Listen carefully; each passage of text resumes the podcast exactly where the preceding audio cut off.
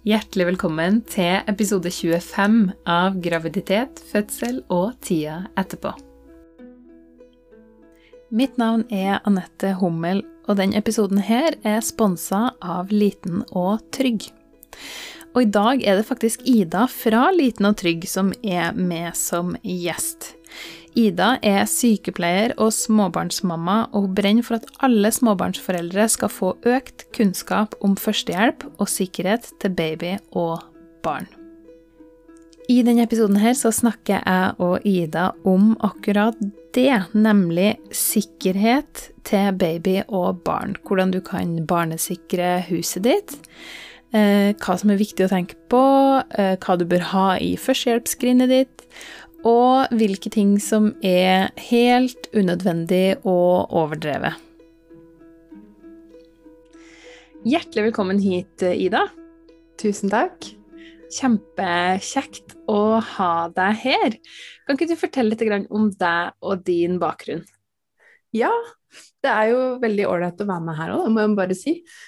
Litt uvant med første podkast, men det blir spennende. Ja, men det er gøy. Ja.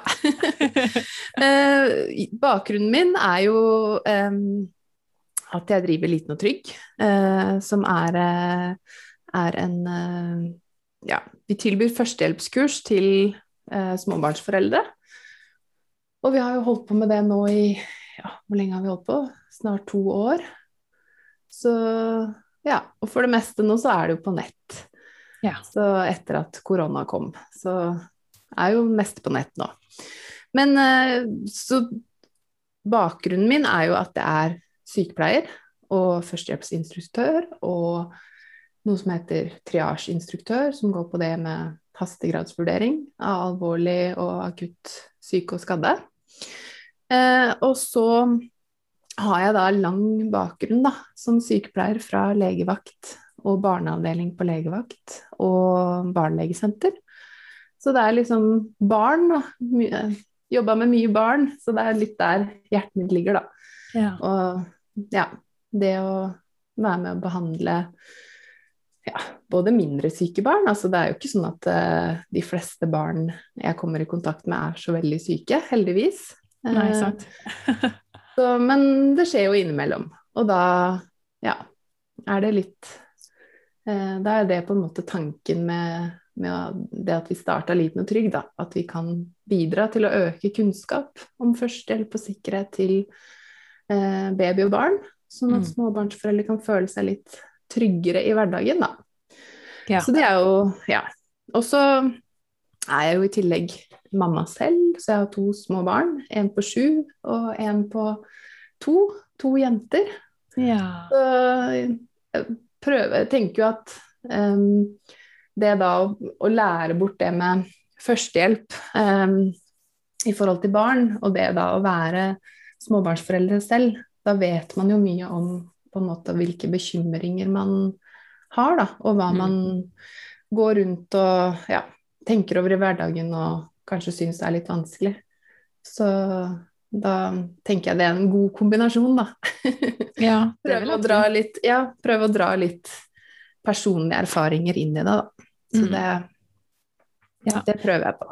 Jeg tror personlig erfaring er kjempeviktig i, i mange typer jobber, egentlig, men, men, kanskje veldig i en sånn her type jobb, fordi du, du vet på en måte hvordan det er å være i den foreldreposisjonen. Mm. Sånn at hvis en forelder kommer inn og har et sykt barn eller et skadd barn, så, så har du kanskje en annen type empati, da. Ja, og det merka jeg jo faktisk stor forskjell på. Altså, før, før jeg fikk barn, da, og når jeg jobba som sykepleier da, så var det Det gikk ikke nødvendigvis altså, like mye inn på meg, da, det å treffe barn som var syke eller skadde, men nå når jeg på en måte, og særlig hvis jeg ser eller treffer barn i tilsvarende alder da, som mine egne, så kjenner jeg litt mer på det. Ja. si. At man relaterer mye mer til det. Og ikke minst til også de foreldrene da, som er i den situasjonen. Så mm. ja, men jeg tror jo jeg tror du har rett. Man får en annen, en annen, form for empati når man er på en måte Man kan ja, relatere seg mer til det, da. Mm. Um, så det har nok mye å si, altså. Og så har det mye å si i forhold til det med at um, før, før, man fikk barn, så for, min del så syns jeg at Jeg skal ikke si at jeg syns barn var skumle, men at det var, det var altså, Når du ikke omgås så mye barn og ikke har så mange preferanser i forhold til barn, så er det, er det jo det å da sant, skulle vurdere de, og hva er det som er normalt og ikke, og mye Altså, man lærer jo alt det her på skolen og, og sånt også, men, men, det er jo mye som går på erfaring. Eh, mm. Og ja, det meste innenfor det faget er jo erfaringsbasert. Altså du kan lese og lese og lese deg til ting i en bok, men du må faktisk se det ja. og oppleve det. Mm. Og så det å da eh, man underveis erfarte mer og mer og fikk egne barn, så ja, så er det Syns jeg nok at det, det oppleves i hvert fall enklere, eller man er mer tryggere da, i sine vurderinger, i hvert fall. Så det, og det tror jeg nok kanskje mange Kanskje det er mange andre sykepleiere som syns òg. ja, ikke sant? Ja. ja. det kan godt være. Ja. Uh, så Kjempefint. Mm. Um, i dag så skal vi snakke litt om, um, om barnesikring av hjemmet, og uh, hvordan man kan egentlig unngå at ulykken skjer, da. Ja, og det er eh. jo kjempeviktig. Mm. Det er veldig, veldig mye man kan forebygge. Så ja. mm. Ikke sant. Og så tenker jeg litt sånn, når vi skal snakke om det, så, så har jeg også litt lyst til å snakke litt om kan man gå for langt, på en måte? Altså Ja. Eh, tenker på sånn eh, Altså, på hjelm hele tida. Ja, ikke sant. Hjelm hele tida, sånn, knebeskyttere, ikke sant. Ungen klar for alt. Ja. Um. ja, og det Ja, det kan du si. Altså, man, man er jo ute etter å på en måte eh, man vil jo at barnet sitt skal ha en tryggest mulig hverdag, det vil man jo. Man mm. strekker seg veldig langt for at de skal unngå å skade seg. Og jeg tenker det er mange sånn skadeforebyggende tiltak da, som man kan gjøre hjemme, som er ganske enkle. Men når det kommer til liksom det å eh, Altså noe, noen ting må jo faktisk barna erfare sjøl også, for å så noe skader må man faktisk regne med. det er noe med liksom Ja, det, du kan ikke beskytte de fra alt, altså. Men i hvert fall det å prøve å beskytte de fra de mest alvorlige skadene, det er det jeg tenker er viktigst. Altså, ja. du vil alltid oppleve at barnet ditt kommer til å falle og slå seg og få kul i hodet og skrubbsår i panna og ikke sant, kanskje til og med brekke armen eller foten. Og det mm. er jo for så vidt visst naturlig del av det å være barn. Ja. De er jo aktive. Ja. Det er jo egentlig Ja. Det er egentlig å forvente, da, på en mm. måte. Men, um, men i hvert fall å forebygge de alvorlige skadene, da. Det tenker jeg er viktig. Nettopp. Mm. Og hvis man, hvis man er gravid, f.eks., mm. hvordan kan man forberede seg før barnet kommer, med tanke på sikkerhet? Ja, det er, jo, det er jo en del ting man kan gjøre da, faktisk. Altså, det går jo mye på det her med trygt sovemiljø, egentlig, da, tenker jeg på. Um, og så da er det jo lurt å i hvert fall prøve å kanskje finne litt ut av det og oppdatere seg på akkurat det. Um, for det er jo det er jo for det meste det de gjør i starten. Det er jo å sove ja. og spise. så, så, det er så, ja, sovemiljø tenker jeg er viktigst, da. Og da mm. går det jo gjerne på det altså med hva man har i senga, egentlig. Mm. Um, og det er jo eh, anbefalt at man helst ikke skal ha noe særlig i senga, annet enn uh, en dyne. Mm. Uh, og det er jo mange som tenker at de skal pynte og gjøre det koselig. Og, og, det, jo, og det er jo veldig koselig når man er gravid og når man skal begynne å innrede barnerom og sånne ting, og drive og pynte og ordne med masse fine ting i senga og sånn. Men det er også viktig å tenke på det at um, anbefalingene er faktisk at man da skal ha minst mulig i senga, Eh, og man skal helst eh, ikke bruke f.eks. kantbeskyttere. Mm. Eh, og det er også i hvert fall mye anbefalinger i eh, bl.a. USA og Australia og en del andre land, at de også ikke anbefaler de her babynestene. Um, og i hvert fall ikke så lenge barnet uh, Eller man kan gjerne bruke det, men da skal barnet sove under oppsikt, da. Ikke sant? At det er kanskje i en krybbe på dagtid i stua hvor du hele tiden følger med på de. Mm. Men det har jo rett og slett med at barn kan Eh, og babyer eh, og spedbarn, de kan snu seg. Selv, altså selv fra de er nyfødte. Ja. Så det er, det er en sånn liksom myte, det der at de aller minste ikke kan snu seg, men det kan de faktisk. Så det å da at de klarer å snu seg og eventuelt få nese og munn mot sånne myke materialer, da, det kan jo da i hvert fall føre til at de ikke får puste, da. Mm. Så derfor så er det anbefalt at man ikke bruker det. Ikke mye kosedyr og sånn heller, selv om det er selvfølgelig koselig å ha det òg i senga. ja. Men um, ja. Uh, og så er det også det med de som samsover, da. Det er det mange som gjør av ulike grunner, og praktiske grunner òg, selvfølgelig. Når man ammer, så kan det jo være kjekt. Men at man i hvert fall setter seg veldig godt inn i hva som gjelder for trygg samsoving, da. Uh, og der er det jo Eh, Bl.a. Landsforeningen for uventet barnedød har jo mye god informasjon om akkurat det. Veldig. Mm. Så da vil jeg jo anbefale at man leser litt der, da, i forhold til det. Så ja, Kjempefint at du sier det om, om trygg samsoving, for det har jo vært mm. en litt sånn Det har jo nesten vært en litt sånn debatt skal vi si, mm. i sosiale medier rundt det med samsoving, at noen har sagt at samsoving er farlig, punktum, og, mm. um, og, så har det, og så har det gått litt, gått en liten runde, da. Um. det har jo det, men det viktigste er jo Altså, det aller, aller viktigste tiltaket er jo at barnet eller babyen sover på rygg. Det er jo det som eh, Og at det da ikke er ting på en måte rundt som gjør at de kan få ufri luftvær, da, så de kan eh, få ting foran nese og munn. Mm. Eh, og ja, det har jo vært ja, det var en litt sånn oppheta debatt for ikke så lenge siden, så men ja.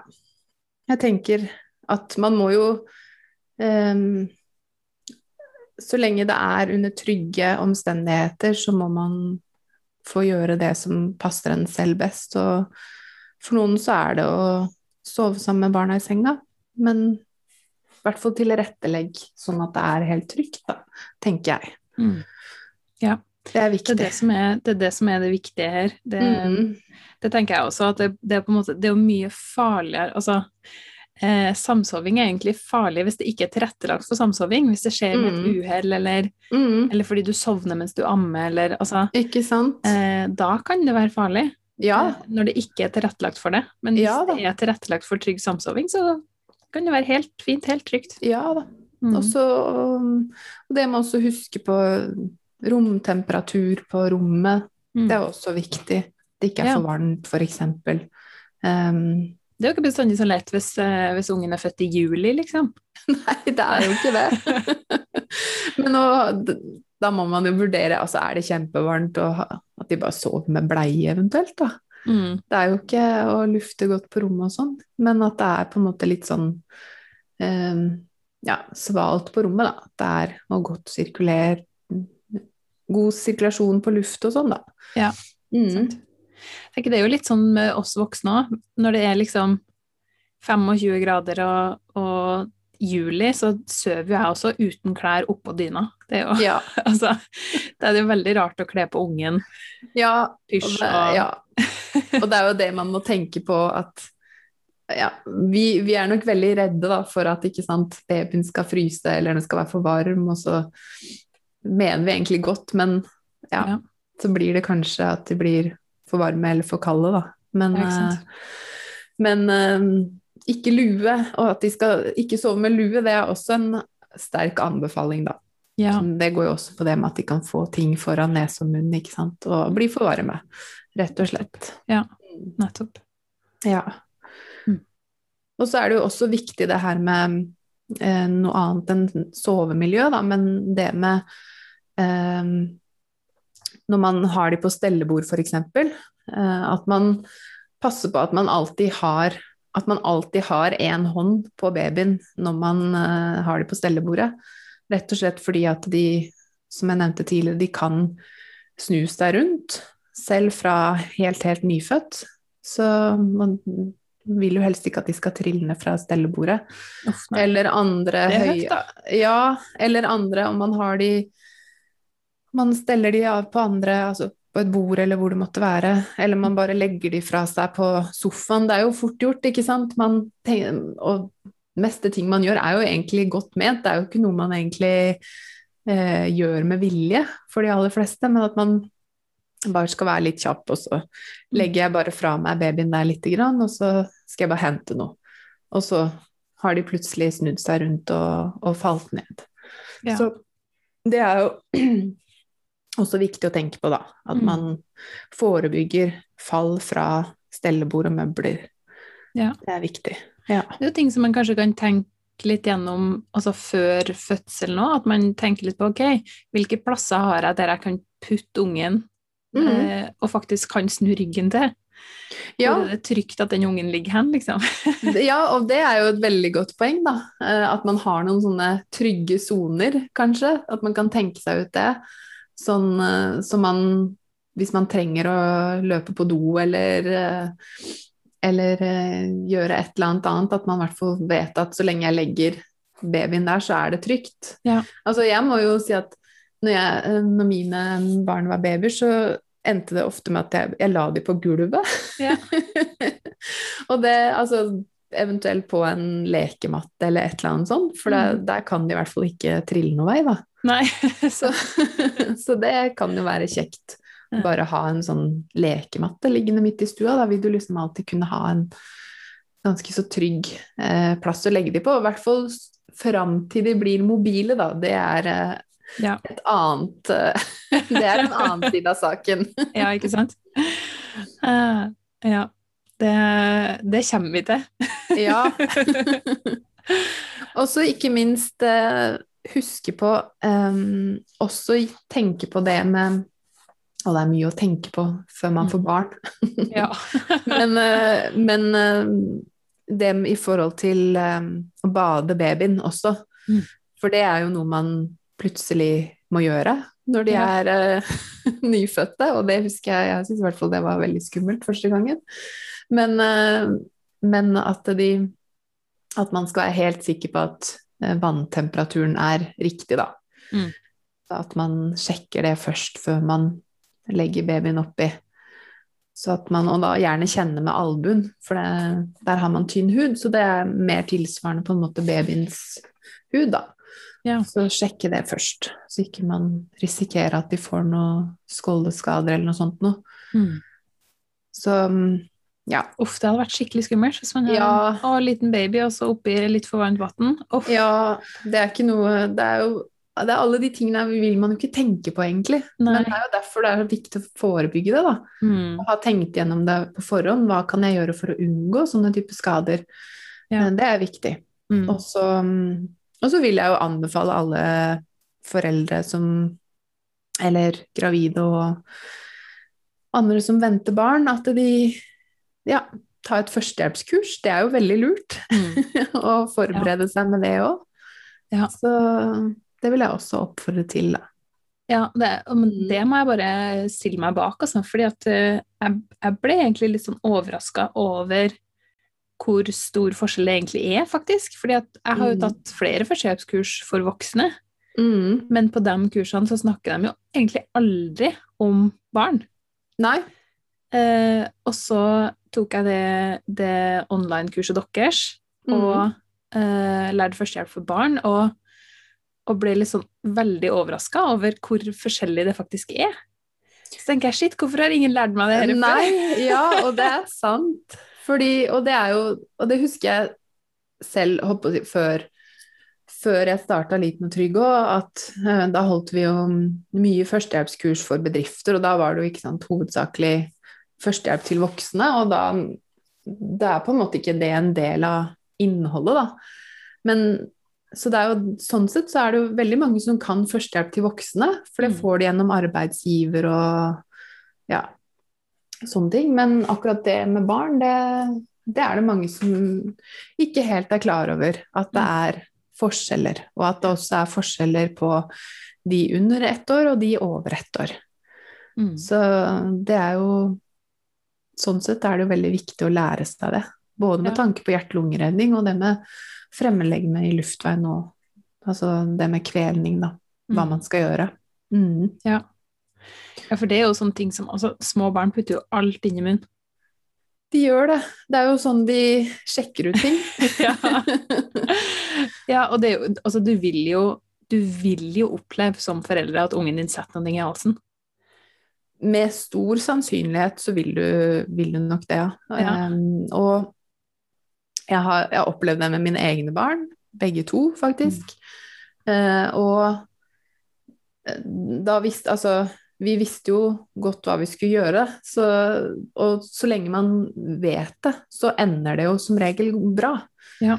Så det er jo også et Altså, det er jo noe med det å på en måte Og det er jo litt tanken med eh, det vi driver med òg, at man skal Det skal ikke være noen sånn skremselspropaganda der heller, at eh, at barnet ditt eller babyen din kommer til å skade seg, eh, eller bli alvorlig skada, det, det er det jo liten sannsynlighet for. Altså at, den til å, at barnet ditt etter hvert kommer til å få småskader, det er jo sannsynlig. Ja. Eh, og at, altså at babyer eller barn eh, får sirkulasjonsstans og man må påbegynne hjerte-lungeredning, det er jo kjempelite sannsynlig Ja. at man i det hele tatt kommer til å oppleve det noen gang.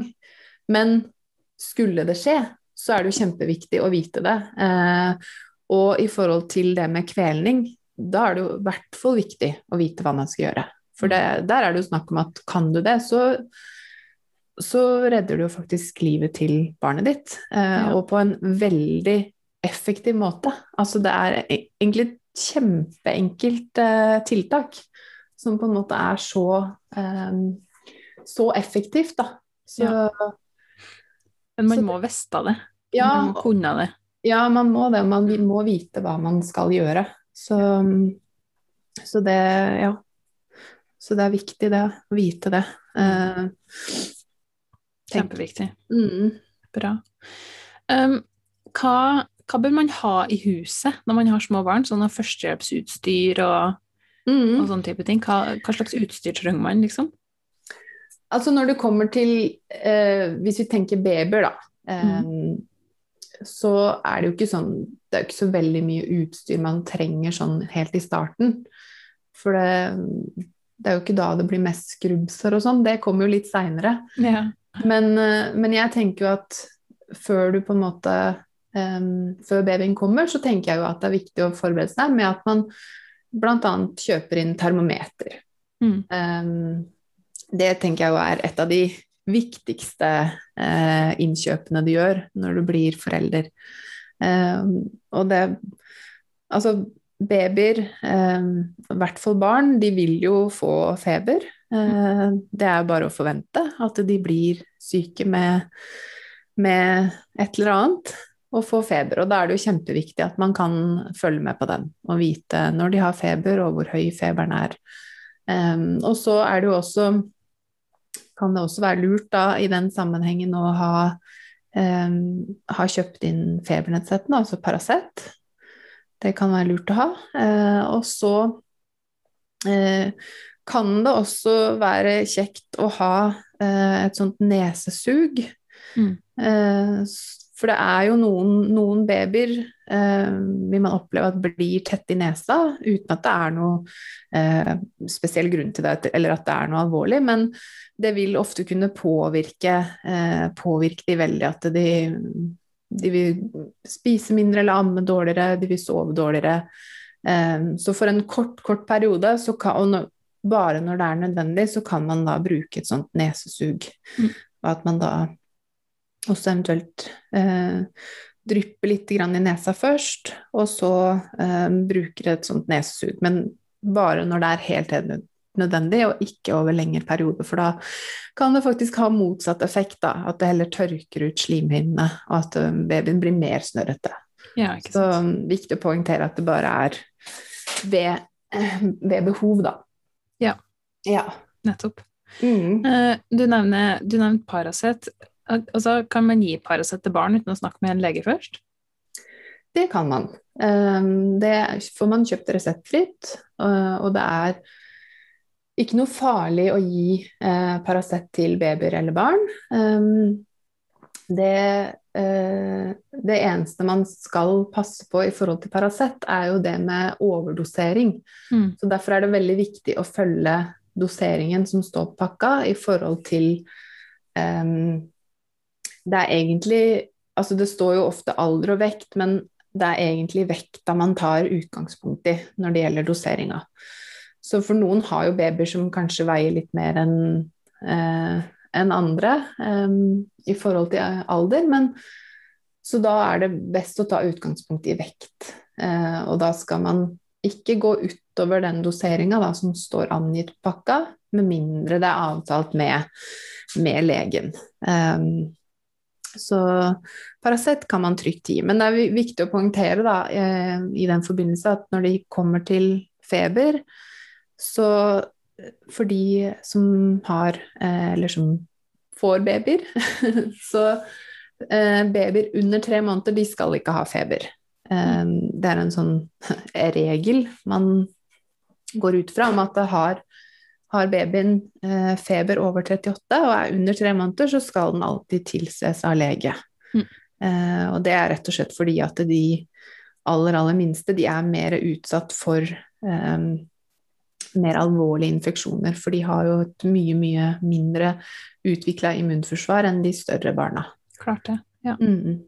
Så um, det er viktig å poengtere. Og det samme med også de under seks måneder, at har de høy feber over 39, at da bør man også eh, ta kontakt med lege, eventuelt legevakt, bare Mm. for å høre. Mm. Det skader jo egentlig aldri å ta kontakt med, med legevakta og spørre. Nei, og det er det jo veldig mange foreldre som gjør. Mm. Um, og det er jo det vanligste. Uh, den vanligste kontaktårsaken på legevakt er jo uh, barn og feber. Mm. Det er jo en av de hyppigste kontaktårsakene. Så ja, og det, og det er jo helt forståelig, og i hvert fall når man er førstegangsforeldre. Mm. Fordi du, du veit jo ikke opp og, ned, opp og ned på noen ting i starten. Så, og man har jo ikke noe, man har ikke noe tidligere erfaring, man har ikke noe tidligere preferanser, så hva som er på en måte normalt og ikke. Mm. Det er klart, da må man jo spørre noen. Eh, og det, det må man jo bare gjøre, da. Da er det bare å ringe legevakta, da, og så får man Ofte så holder det jo med at man bare får råd over telefon. Om, Ja. eh, og de spør hvordan babyen har det ellers. Eh, og hva du skal følge med på videre, og hvordan du skal behandle feberen hjemme. Og når du eventuelt skal ta kontakt på ny, og hva, hvilke faresymptomer du skal se etter, da.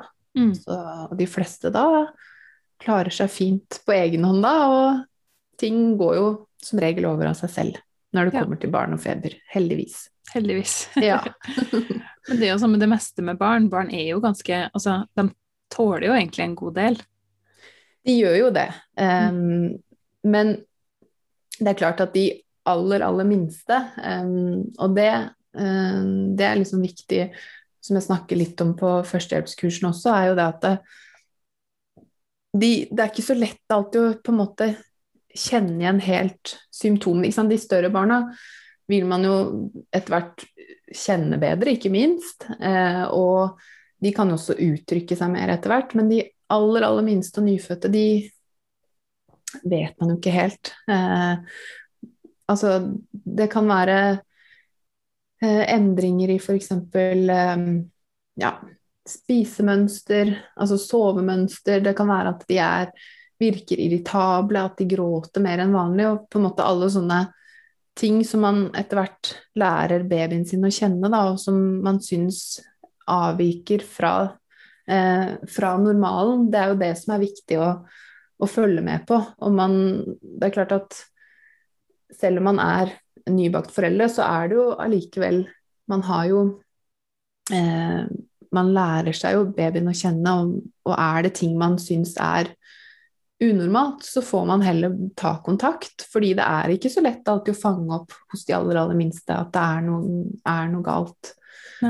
Så, men særlig det, og det tror jeg også er viktig å vite da, før man får barn, at i forhold til det med eh, om eh, babyen ammer, eh, eller om den tar flaske eh, Hvis den slutter å vil amme eller ta flaske, da skal man være litt obs, følge Ja. med. Det er Mm. ofte et sykdomstegn, at de ikke har matlyst. Mm.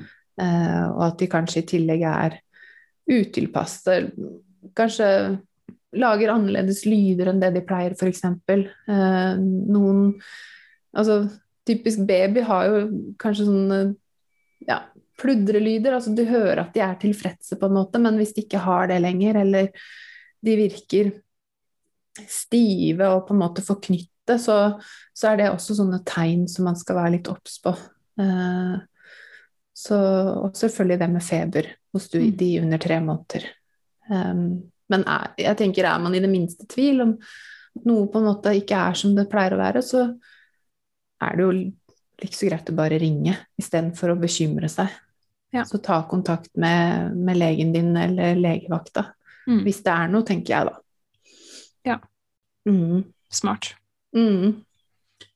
Eh, Hva med sånn barnesikring av huset? Da snakker vi jo kanskje når ungen er litt eldre enn nyfødt, men Mm. um, hva, hva bør man gjøre? Hva bør man sikre? Og hva er på en måte overkill? Hva er, hva er unødvendig? Ja, Det eh, finnes jo så mye sånn barnesikringsprodukter på markedet. Du kan jo sikre hvert eneste hjørne av huset ditt. du kan jo det. Mm. Eh, og det fins jo ja, utallige med produkter man kan gå til innkjøp av, og man kan Ja. jo helt sikkert eh, bruke en stor sum på akkurat det. Det så, det er jo noe med, å- ja, så det er jo noe med å eh, finne ut hva på en måte sitt behov er, da. For det er klart, noen vil jo ha litt forskjellige behov også. Altså, du trenger ikke å kjøpe trappegrind hvis du bor, bare bor i første etasje. Så, så da er jo det utelukka. Men, men akkurat trappe, sånne trappegrinder vil jeg jo anbefale hvis du Mm. har flere etasjer i boligen din.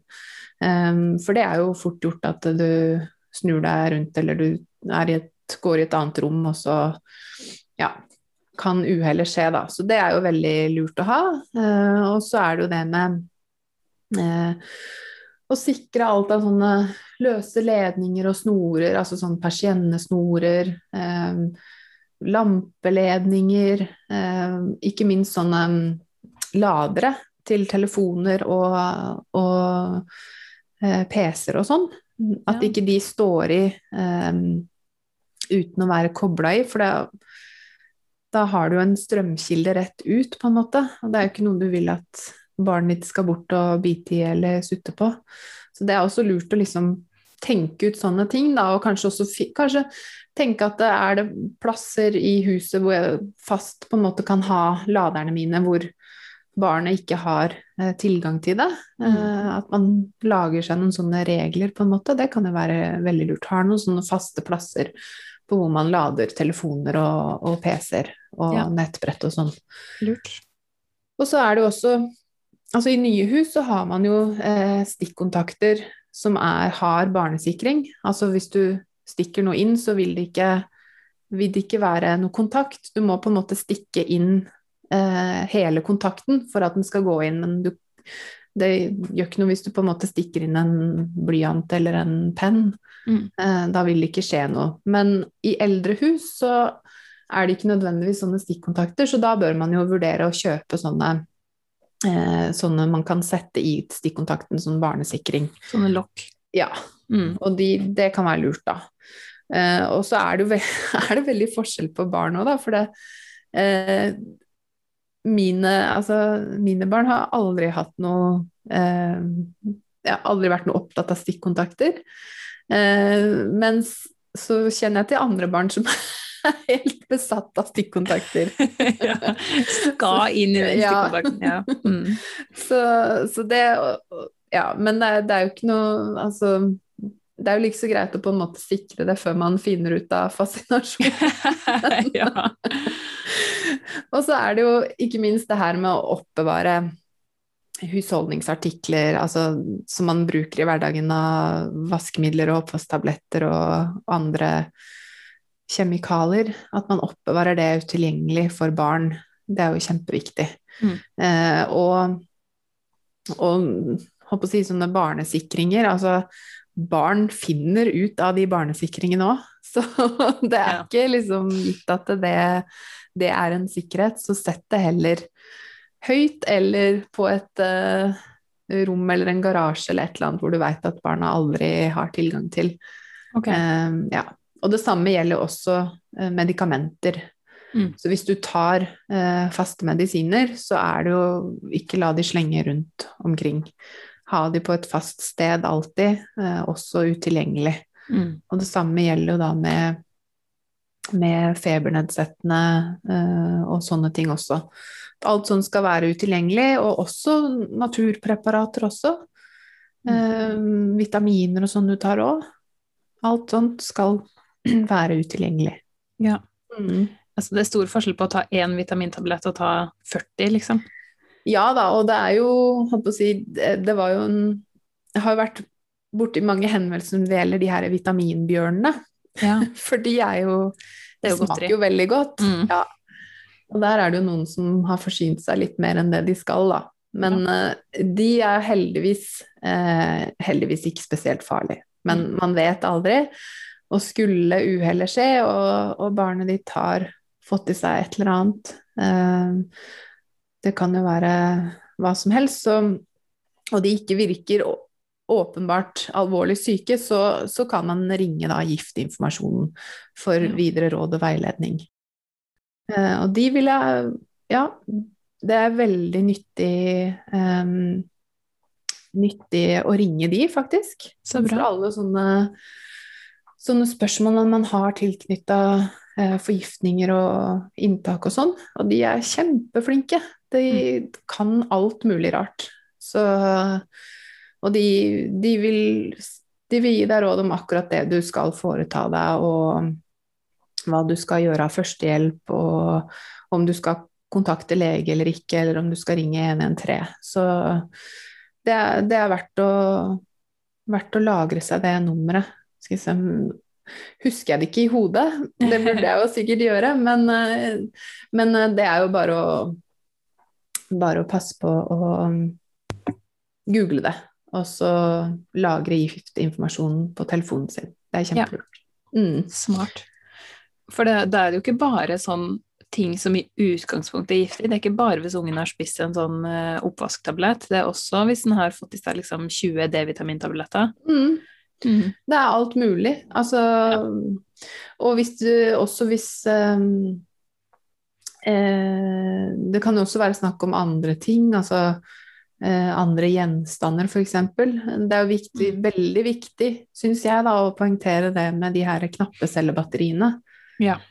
De eh, Det er ikke det har nok blitt mer kjent etter hvert, men at de faktisk kan gi veldig alvorlige skader. Og det er jo typisk de her Det er jo de her små, flate batteriene som fins i mange Ja, det kan jo være bilnøkler eller sånn småelektronikk, da. Eh, og det er veldig Så det er veldig lurt å sikre alt som har Som inneholder det. At ikke barnet får tak i de og løsner deksel og sånn, sånn at de får tak i det og putter det i munnen og svelger det. For det er altså En ting er at det kan sette seg i halsen, men en annen ting er at de her knappcellebatteriene de begynner jo å etse så fort de kommer i kontakt med slimhinner. Ja. Og de kan gjøre ufattelig stor skade eh, inni kroppen. Mm.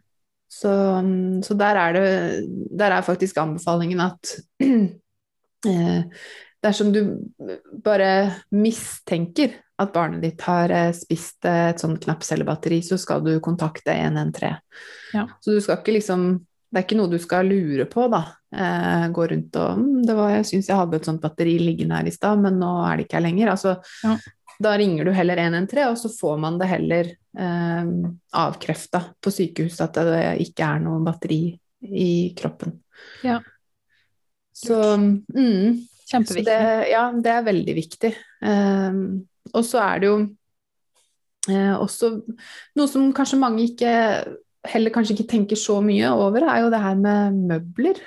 Altså, vi har jo bokhylle, vi har eh, skap, vi har svære TV-er. Eh, og etter hvert som de blir mer mobile, så vil de også støtte seg til ting, ikke sant? Ta etter Mm. ting. Og noen begynner å klatre. Altså, det er jo noen skikkelig apekatter eh, blant oss. Så, så mm, det at det ikke møbler velter over de, er jo Det er også noe man bør tenke på. At man eventuelt sikrer de, de store, tunge møblene til veggen, da. At man skrur de fast, f.eks. Ja. Mm. Mm. Så tenk på det også. Um, og så selvfølgelig ellers altså leke. At man passer på at det er eh, Gir de alderstilpassa leker, sånn at det ikke er små leker som kan svelges og settes i halsen. Det er klart, Der er det jo litt større utfordring når man har eh, flere barn. Ja. Ulike leker. Mm. Kjenner til det selv. Så mm, Men da er det jo eh, er det jo noe med at man Ja, ofte så vil de jo, og søsken vil jo ofte leke sammen. Så at man heller da holder et ekstra øye på det, da, hvis de leker med leker som ikke nødvendigvis er helt alderstilpassa, men at man sitter med de når de leker. Eh, og utenom det så må man jo bare rydde bort og fjerne alt som er smått, da. Eh, Ja. Rett og slett. Mm. Det må man jo. Og så er det eh, også viktig det her med eh, å passe på varme drikker og varme overflater. Altså sånn Mm. som peisovner og varmeovner og sånn. Det er jo Dessverre så skjer det jo ofte at små barn får brann- eller skåldeskader pga. at de har enten fått varme, varmt drikke over seg, eller tatt på varme overflater. Eh, tatt på peisovner, f.eks. Mm. Um, Uff a meg. ja, så, det, så der er det også lurt å tenke ut eh, på forhånd, da, og, og i hvert fall det i forhold til varm drikke. At man alltid påser at man ikke sant, man, om, Igjen, da. Har møtt så mange foreldre ikke sant, som kommer med barna sine, og de har fått en eller annen brannskade fordi de har fått noe varm drikke over seg. Og det er jo, det er jo ingen som de er jo kjempefortvila, for de er jo så lei seg. fordi de, sant, de snudde seg bare et kort øyeblikk, og så Ja. kom den tekoppen over dem, eller et eller annet. Og de Men så det er så lett da i hverdagen, og liksom man skal bare, og man skal bare gjøre noe fort, og så Eller man sitter med barn på fanget og tar seg en slurk med kaffe samtidig. Man er trøtt når man er småbarnsforeldre, det er ikke noe tvil om det. Men, men at man liksom tenker litt gjennom det i hverdagen, da. Mm. plassering av varme drikker, og at man ikke drikker varm drikke med de på fanget, f.eks. Eh, Mm. Sånne ting, da. Og at man at man eh, passer på Altså fyre i peisen og sånn, at man heller gjør det kanskje på kvelden, da. Når de har lagt seg. Hvis man men hvis det er oppvarminga di, at du er avhengig av peis, så at man da heller kjøper en sånn peisgrind, da. Ja. Um, så det er jo ikke sånn Det er jo ikke nødvendigvis at det er så veldig mye utstyr man egentlig trenger, bare for å liksom komme litt tilbake til det. Um, så man må ikke gå ut og bruke flere tusen på det. Uh, men sånne enkle ting som man får kjøpt ja, overalt, egentlig, og som ikke koster så veldig mye. Altså både det å sikre møbler og sikre skuffer og skap og sånne ting, det, det er jo Det får man jo kjøpt veldig mange steder, og det koster jo ikke så veldig mye. Så det er jo lur investering. Og peisgrind, da, hvis man har behov for det. Ja. Det er også en lur investering. Um, men ellers så er det jo ikke Ja, det er jo fins jo masse forskjellige produkter der ute, så alle mener at uh, det her gjør jo hverdagen din så sikker og, Ja. og sånn, men, men poenget er jo at man Altså, når man har små barn, du må ha litt øyer i nakken. Yeah. egentlig er jo det det viktigste av alt, da, egentlig. Mm. Så det er mye du på en måte kan sikre deg mot, men man må følge med på de, rett og slett. Og så må Ja. man bare tenke at det er en periode eh, av livet. Mm. Og så blir det jo så mye lettere etter hvert. Eh, det gjør det. Men, eh, men jeg må jo si, i forhold til sånne unødvendige ting, da, så, uh, så er det jo Det er jo mange som går til innkjøp av ja, f.eks. sånne eh, matter de kan legge under madrassen, pustestoppmatter, eller nå får du til og med kjøpt en sånn type eh, sokk som du kan feste på foten til babyen din, for å følge med på puls og oksygenmetning og sånne ting. Mm. Og altså jeg tenker jo at sånn type utstyr, eh, det er ikke en nødvendighet. Eh, det er, for det første så er det veldig dyrt, fordi de selger det som en nødvendighet. Altså, Ja. eh, og, og de selger det jo i den tro at eh, det her er jo kjempeviktig å ha, fordi da kan du følge med på om barnet ditt slutter å puste. Mm. Men alt i alt, altså et, et friskt spedbarn eh, som ikke har noe underliggende sykdommer, som ikke er prematurt, sannsynligheten for at det kommer til å skje noe eh, med de når de sover, så lenge du har et trygt sovemiljø, da, som vi snakka om i stad, Ja. så er jo det det er jo, kjem, altså det er jo helt minimalt. Mm. Så det å på en måte skulle kjøpe seg utstyr for å følge med på sånne ting, og så plutselig så går det en alarm da midt på natta som kanskje altså som er falsk, da, og du, ikke Ja. du våkner jo med Altså man kan jo få angst av mindre, tenker jeg. Uff, ja. Eh, og, og så kan det være målinger du Altså utslag på målinger som du ikke vet hvordan du skal tolke. Ikke sant? Altså, jeg tenker at sånne ting kan nesten føl, føre med seg mer stress og bekymring enn egentlig at det er nødvendig, da. Ja. Men, men for all del, hvis du, hvis, du, hvis du føler at det gjør meg trygg som mamma eller pappa, så, så må du gjerne bruke det. Det er ikke det jeg sier. Men jeg bare tenker at behovet er Altså eh, tenker at det er ikke, det er ikke nødvendighet. Om man er eh, babyen din sykt, så må du heller følge med på det. Eh, det nytter ikke å legge det på en madrass og putte en, eh, en måler på det. For det, du må følge med på det, og det er jo observere det, rett og slett. Det er jo det, det, er jo det vi gjør med syke barn også. Vi setter jo ikke bare en måler på dem, og så går vi inn på et annet rom. Vi må følge med på dem, ja. følge med på utviklinga. Så, så ja. Mm. Bare en sånn Det er min tanke, da. Ja. Men jeg tror det er en veldig, veldig lur tanke. Og så tenker jeg at det er Det er noe med det at hvis, at du, hvis du tror at, at det vil gjøre deg tryggere som forelder, som du sier, Mm. at det her er noe som jeg trenger for å klare å sove om natta, Mm. så, så er jo det kjempefint. Men, men da, da tenker jeg også ok, men, men gå faktisk litt ordentlig inn i deg sjøl her, og still deg sjøl spørsmålet gjør det meg faktisk Mm. tryggere. Mm. Eller er det på en måte bare noe jeg tror, og så Ja. gjør det meg egentlig bare mer stressa? Ja, det er det jeg tenker. Og Tør å være litt sånn ærlig med deg sjøl.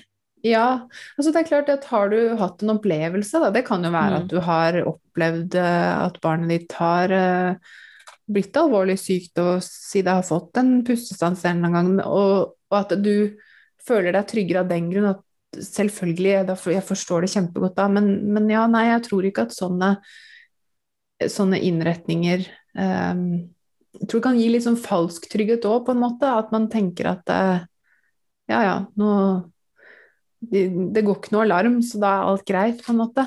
Ja, Men, ikke sant? men hos et sykt barn så kan det være, det kan være andre symptomer som ikke en alarm fanger opp. Eh, Så ja, man må rett og slett bare Altså, et friskt barn Sannsynligheten for at noe, at noe skjer, er så minimal, men som sagt, er babyen syk, så må du, du må følge med på den, rett og slett. Mm. Mm. Um, og hvis, at, hvis at det skulle skje noen ting, da, hvilke Mm. førstehjelpstiltak tenker du at, at alle foreldre og omsorgspersoner burde ha kunnet? Hva er på en måte superviktig at man kan? Altså, det overhengende er jo alltid det med hjerte-lungeredning. Um, men uh, det er Altså, og det er jo kjempeviktig å kunne, og ikke minst kjempeviktig å klare å gjenkjenne når er det jeg må eh, starte hjerte-lungeredning. Um, for det, der handler jo alt om tid, rett og slett. eh, at du skal få i gang eh, en form for sirkulasjon. Det er jo det man gjør når man gjør hjerte-lungeredning. Eh, for å få oksygen til hjernen. Um, men sjansen for at det, skjer, eh, er litt. Altså at man noen gang opplever, opplever å måtte starte hjerte-lungeredning hos eh, en baby eller et barn, det er forsvinner liten. Heldigvis. Ja, heldigvis. Eh, ja, heldigvis. Og det syns jeg også er litt sånn viktig å på en måte snakke litt om det, fordi at, at man kan på en måte senke litt skuldra på akkurat det, at det er ikke noe som Det er ikke noe dagligdags. Eh, det er ikke noe som eh, de i ambulansetjenesten ser hver dag. Eh, for, for, de også er det jo sjeldenheten. Eh, sånn at eh, det er jo det er jo sånn sett litt sånn godt å vite, men, men, så er det samtidig så viktig å kunne, da. Hvis, hvis du skulle Altså hvis du noen gang skulle komme borti det og vite hva du skal gjøre. Det er kjempeviktig. Mm. Um, og så er det jo det med fremmedlegeme med luftveiene. Det, det er jo Syns jeg i hvert fall er viktig å kunne. For det er jo som uh, Ja, det er jo sannsynligheten for at det skjer når du har små barn, er jo faktisk ganske stor. Um. Og vi, uh, vi gjorde en sånn uhøytidelig spørreundersøkelse da, blant eh, følgerne våre på Instagram, og da tror jeg det var rundt 40% da, som sa at de hadde opplevd at barnet deres hadde satt i halsen ja. eh, en eller annen gang. Det er mange. Så, ja, det er jo det. Mm. Så, um, så, sannsynligheten for at man opplever det, er ganske stor. Men kan du det, da, så er det egentlig går det som regel veldig, veldig bra. Ja. Eh, og har opplevd det selv, og det har gått bra, visste hva jeg skulle gjøre. Eh, og det kom opp. Mm. Så, og ingen annen skade skjedd. Så veldig effektive tiltak, det. Så det, det er også ja, viktig å kunne. Og så er det det med behandling eller førstehjelp ved brannskader tenker jeg mm. også er viktig å vite hva man skal gjøre. Ja.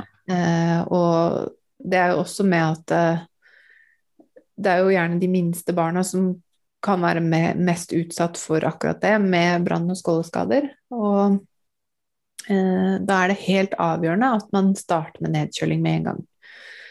Og det er det faktisk en del foreldre som glemmer litt i Altså de blir rett og slett grepet av panikk, og så glemmer de det viktigste. Ja. Eh, og det er å starte med nedkjøling. Eh, og det er jo en regel, da, uh, som heter 2020-regelen, som da går på at du skal kjøle ned med lunka vann, ca. 20 grader, i minimum 20 minutter. Så er det klart at akkurat til de aller, aller minste så må man nok justere litt eh, temperaturen på vannet, fordi de kan fortere bli nedkjølt igjen. Så da er det viktig at man heller har litt mer temperert vann, sånn rett under 30 grader, eh, for at ikke de skal bli nedkjølt. Mm. Men prinsippet vil på en måte være det samme uansett, at starte med nedkjøling, det er det viktigste. For det forhindrer at skaden utvikler seg eh, og blir verre. Ja. Så det, det, er et kjempeviktig tiltak. Um, så start med det og gjøre det eh, å si, før, du, før du får ringt 113 også, og før du eventuelt vurderer å dra på legevakt også, at du alltid har kjølt ned først. Ja. Mm. Minst 20 minutter, det er ganske lenge. Det er ganske lenge. Mm. Så det er jo en utfordring, da. For man, altså, og særlig når det gjelder de aller minste, og det å kjø, Altså ha de under, for det skal jo helst være rennende vann også.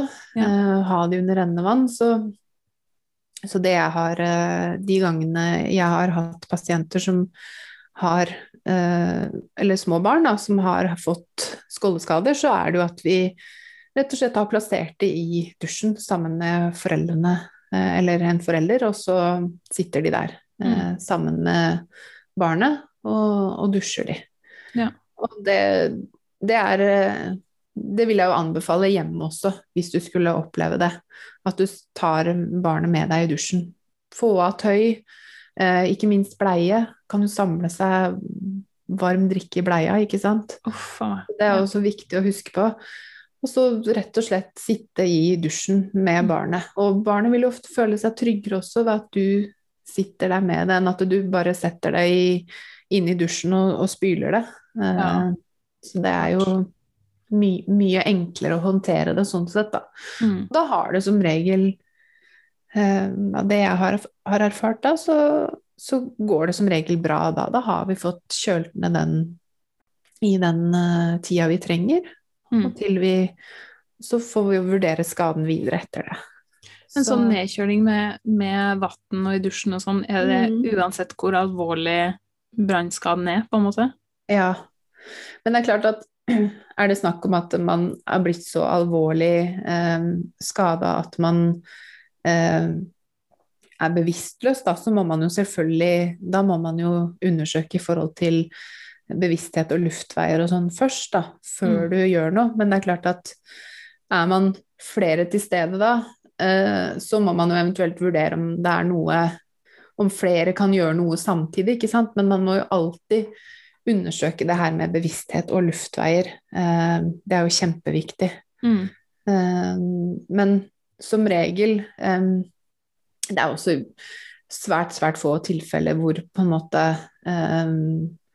det er snakk om så alvorlige skader at, eh, at barn ikke lenger er ved bevissthet, for f.eks. Mm. Da må det jo mer være altså at de har vært involvert i en, i en brann, f.eks., hvor de har inhalert kanskje røyk i tillegg, altså sånne ting. Eller at de har så store brannskader at de får en sirkulasjonsstans av den grunn, da. Mm. Eh, Da er de jo gjerne profesjonelle på stedet, hvis det er en brann. Ja, men, ja, ikke sant. Men, men så Men da får man bare tenke sånn at ok, alltid ha det liksom overhengende først. At man alltid sjekker altså bevissthet og, og luftveier. Um, og, og utover det så, så gjør man jo bare de, de tiltakene. Så lenge det er greit, så starter man jo med nedkjøling og, og gjør det. Mm. Mm. Ja. Mm. Um, hva kan dere i Liten og trygg eh, bidra med? Vi kan jo da eh, lære deg alle disse førstehjelpstiltakene, da, Mhm. som vi har vært litt uh, inne på nå. Uh, at du kan Du lærer deg hvordan å undersøke et, uh, en baby eller et barn som er tilsynelatende bevisstløst, f.eks. Uh, du og hvilke tiltak du skal gjøre da. Og du lærer deg hjerte- og lungeredning, både til de over og under ett år. Og også hvordan du skal håndtere fremmedlegeme i luftveiene for de eh, både over og under ett år. Og så snakker vi også en del om, eh, om det med eh, ja, andre akutte sykdomstilstander og skader som man kan på en måte eh, komme borti da, når man har eh, barn, og hva man skal gjøre da. Eh, og litt så er det jo ofte mange som lurer på litt det med sikkerhet og hva man skal Hva man kan gjøre hjemme og for å forebygge en del ting og sånt. Så det er jo hovedsakelig det vi eh, kan hjelpe småbarnsforeldre med, og det er jo det, vi, det, er jo det som er eh, tanken vår også, da, å gjøre, eh, gjøre informasjon lett tilgjengelig for småbarnsforeldre. Og at de har et de vet, Eller de har et sted eh, Ikke et sted, da, for det er jo gjerne på nettet. men, eh, men at man, man vet på en måte hvor man kan henvende seg, da. eh, og hvor man kan finne mer informasjon eh, om akkurat disse temaene. Og vi prøver også å komme med mye informasjon på Instagram bl.a. I forhold til både førstehjelp og sikkerhet og ja, kan være forskjellige temaer som vi tar opp og skriver om. Um, så det Og det tror jeg mange syns er ålreit å lese om, mange som får mye tilbakemeldinger på at det er ting de ikke visste, eller ting de ikke var klar over, eller ja. Mm. At det er- Jeg, lærer mye nytt av å følge dere på Instagram, det må jeg bare si. Altså. Mm. Ja, så bra. Ja. Det er jo det som er målet. Mm, ikke sant? Så ja. Og, det, og også det med at eh, i forhold til sykdom og skader hos barn, at det er ikke um, Det skal jo ikke bare være um, Vi skal ikke bare snakke om det som er på en måte uh, kjempefarlig og helt, helt akutt, men også snakke om de mer vanlige tingene også.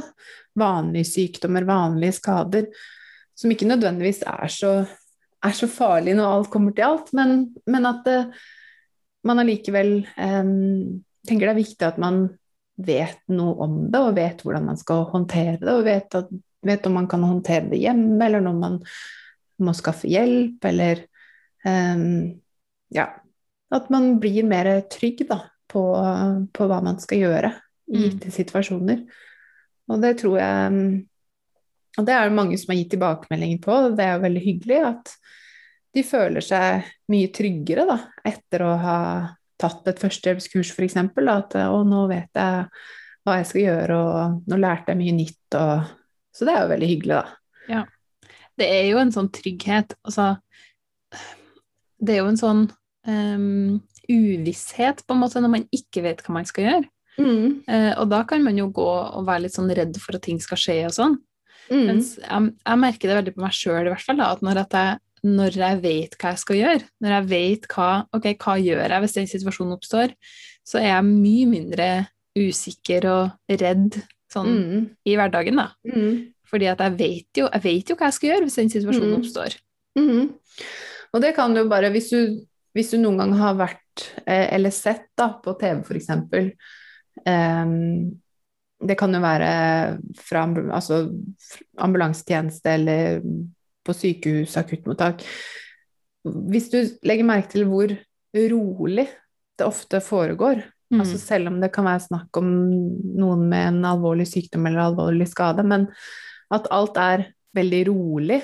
Um, og det er jo fordi at alle vet hva de skal gjøre, eh, Ja. og alle har sine gitte oppgaver, Uh, og da er det ikke noe tvil om noe annet. Uh, og da eh, og, det, og det tenker jeg jo at man kan overføre det litt til eh, ens egen hverdag også, at eh, vet du hva du skal gjøre, så som du sier, så vil man føle seg tryggere.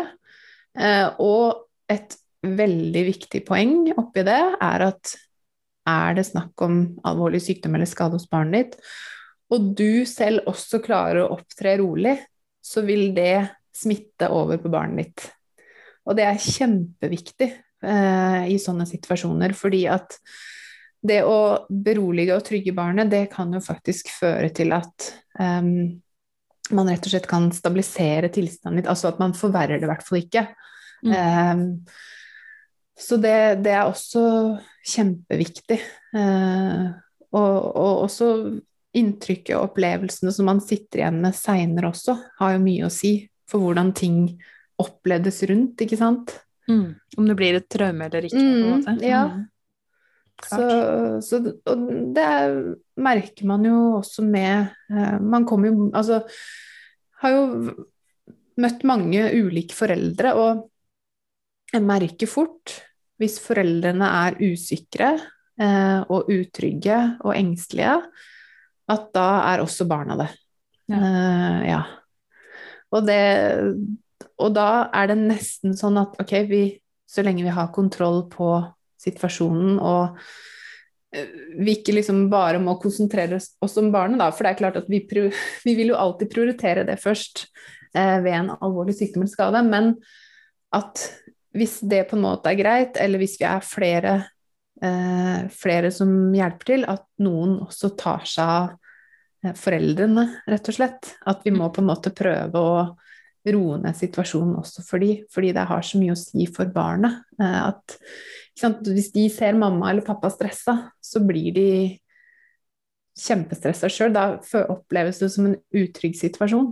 Ja. Så, ja. Klart det. Det er jo helt logisk. Mm, mm. Mm. De lærer jo av oss, altså de ser jo til oss ja, ja. For, å, for å sjekke om situasjonen er ok. på en måte. Er det her en trygg Mm. situasjon eller ikke? Mm. Sjekk hos mamma eller pappa. Ja, ja, ja. Mm. Det er jo preferansen deres i alt. Helt naturlig. ja.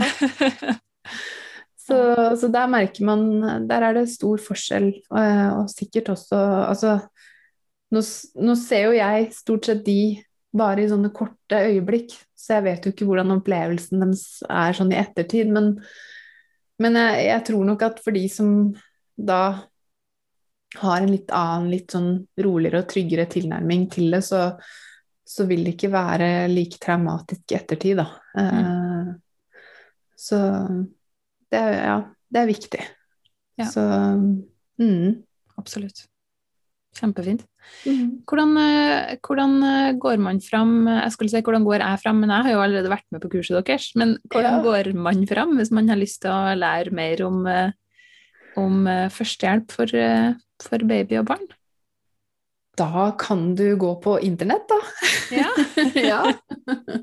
Og så kan du, så kan du enten gå via Instagram-siden vår, eller på nettsiden vår. Eh, Det er jo litenogtrygg.no for eh, begge deler, for så vidt. Eh, Og så kan man da velge Hvis man da vil delta på et kurs, så kan man melde seg på der. Så det er, det er ikke noe vanskeligere enn det, egentlig. Det er ikke noe hokus pokus. Nei, det er ikke det. Og så blir det jo forhåpentligvis nå, så håper jeg jo at nå framover, da, altså når ting åpner mer opp, at vi blir eh, mer å eh, treffe på ute, da. Eh, at vi holder mer fysiske kurs. Eh, Så det, det blir det nok etter hvert, forhåpentligvis. Men Ja. eh, ja, må, må liksom se litt hvilken vei det går. Eh, vi rakk faktisk å ha noen kurs i høst før det på en måte ble stengt ned igjen. Og det, det var veldig hyggelig å treffe folk Mm. Ansikt til ansikt. det er jo hyggelig å treffe folk ansikt til ansikt. Det er jo Så, og det, ja, og det er, det er alltid hyggelig å ha sånne kurs og treffe folk. Og, og da noen har jo med seg babyene sine, og det er også litt koselig, da. Mm. Ja, ikke sant? Ja. Så, men, eh, men så er det jo mange som tar nettkursene, og som kanskje ikke Som kanskje bor steder hvor det ikke, hvor det ikke ville vært noe tilbud. Altså på østlandsområdet så det, har man jo alt mulig av tilbud, stort sett, men bor du langt unna, så har du ikke nødvendigvis sånne tilbud i nærheten. Så da tror jeg at det å, det å kunne ha em, Ta et kurs, sånn kurs over nett, da, at det, det er eh, vel så bra, det òg, altså. Mm. Uh, og det er ikke Det er jo klart at det er viktig å på en måte få øvd tiltakene og sånn, uh, og det er det jo mange som på en måte setter pris på, helst vil, men jeg tror nok at nå, nå demonstrerer vi jo de tiltakene veldig, altså de førstehjelpstiltakene veldig inngående på nettkurset, eh, og man kan på en måte også bruke en bamse eller en dokke eh, som man kan øve seg på også, men så jeg tror at mange, for mange så er det en enkel måte da, å lære seg førstehjelp på. Og jeg tenker at det er mye av målet vårt også, at det skal være lett tilgjengelig, og det skal være um, Du trenger ikke å gå ut av døra di engang, på en måte. Du kan ha lagt barnet for kvelden, uh, og så rigge deg til med, med PC-en eh, i sofaen. Mm. Og så kan, kan du alltid se det i opptak hvis du skulle bli forhindra, hvis det skulle dukke opp noe underveis. Så jeg tror det, ja. Det kan nok hende at det er litt sånn framtiden for hvordan man tar førstehjelpskurs også, da. Eh, Kan være. Det kan veldig godt hende. Mm. Ja. Altså, det er jo mer og mer av det i alle typer typer kurs. Mer og Mm. mer nettkurs, mer og mer nettbasert. Mm. Altså, særlig nå, selvfølgelig, fordi vi er litt tvinga til det, men, Mhm. men eh, det kommer nok helt sikkert til å fortsette også når ting åpner igjen. vil jeg tro. det, ja, det, det tror nok jeg også. Mm. Det er jo veldig lettvint, som du sier. Det er jo det. Mm. Mm. Eh, og så har jo eh, dere i Liten og trygg eh, vært så greie å gi en rabattkode til lytterne på podkasten. Mm. Det har vi. Ja, som er Gravid 2021, og da får man 30% rabatt på, Ja. eh, på det her kurset. Mm. Så det er bare å bruke den. ja, det må man bare bruke. Ja. Er det, Da er det enda lettere. Ikke sant? Enda lettere, enda Ja. lavere terskel. Så det er ingenting å tenke på, egentlig. Bare meld seg på kurs. Ja. ja. Kjempegreit. Mhm. Eh, er det noe mer som du vil eh, eh, si før vi avslutter i dag, Ida? Åh, ja, jeg kunne jo sikkert snakka i mange timer når det kommer til førstehjelp og sikkerhet, da. Så det er jo Men jeg, jeg tenker jo at det um, Ja. At man må uh, Når man er, skal bli mamma eller pappa, da.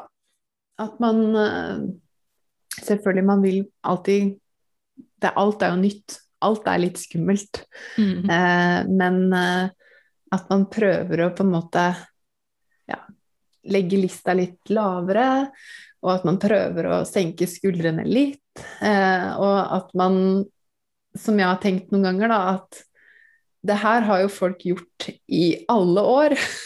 Ja. det, er, eh, det er ikke noe så, Og det går som regel eh, veldig bra. Mm. Um, men at man Ja, at noen sånne forberedelser kan man selvfølgelig gjøre for at man føler seg litt mer forberedt og litt mer trygg. Så da tenker jeg at eh, jo, så må man jo selvfølgelig eh, finne sine egne veier. Eh, det må man jo. Eh, men så tenker jeg også at det er viktig å ikke eh, Man må ikke ta inn over seg sånne skrekkhistorier fra andre heller. Altså, det kan jo være alt mulig. Altså at du har hørt at eh, noens baby ble veldig syk, eller at fødselen gikk veldig dårlig. Altså sånne ting. Mm. At man ja, ikke, ikke ta inn over deg sånne ting. Det, det gir bare mer økt stress. Og så, så tenker jeg jo at eh, ikke, ikke google for mye. Ikke Mm. les alt, på, alt mulig på nettet. Ikke prøv å eh, stille diagnoser på barnet ditt. Er det Mm. noe du, du lurer på? Er det noe som du syns ikke er som det pleier? Så ta heller kontakt da, med lege eller legevakt. Ikke prøv å finne ut av det selv. Eh, da er det bedre å heller snakke med noen som har peiling på det, eh, tenker jeg.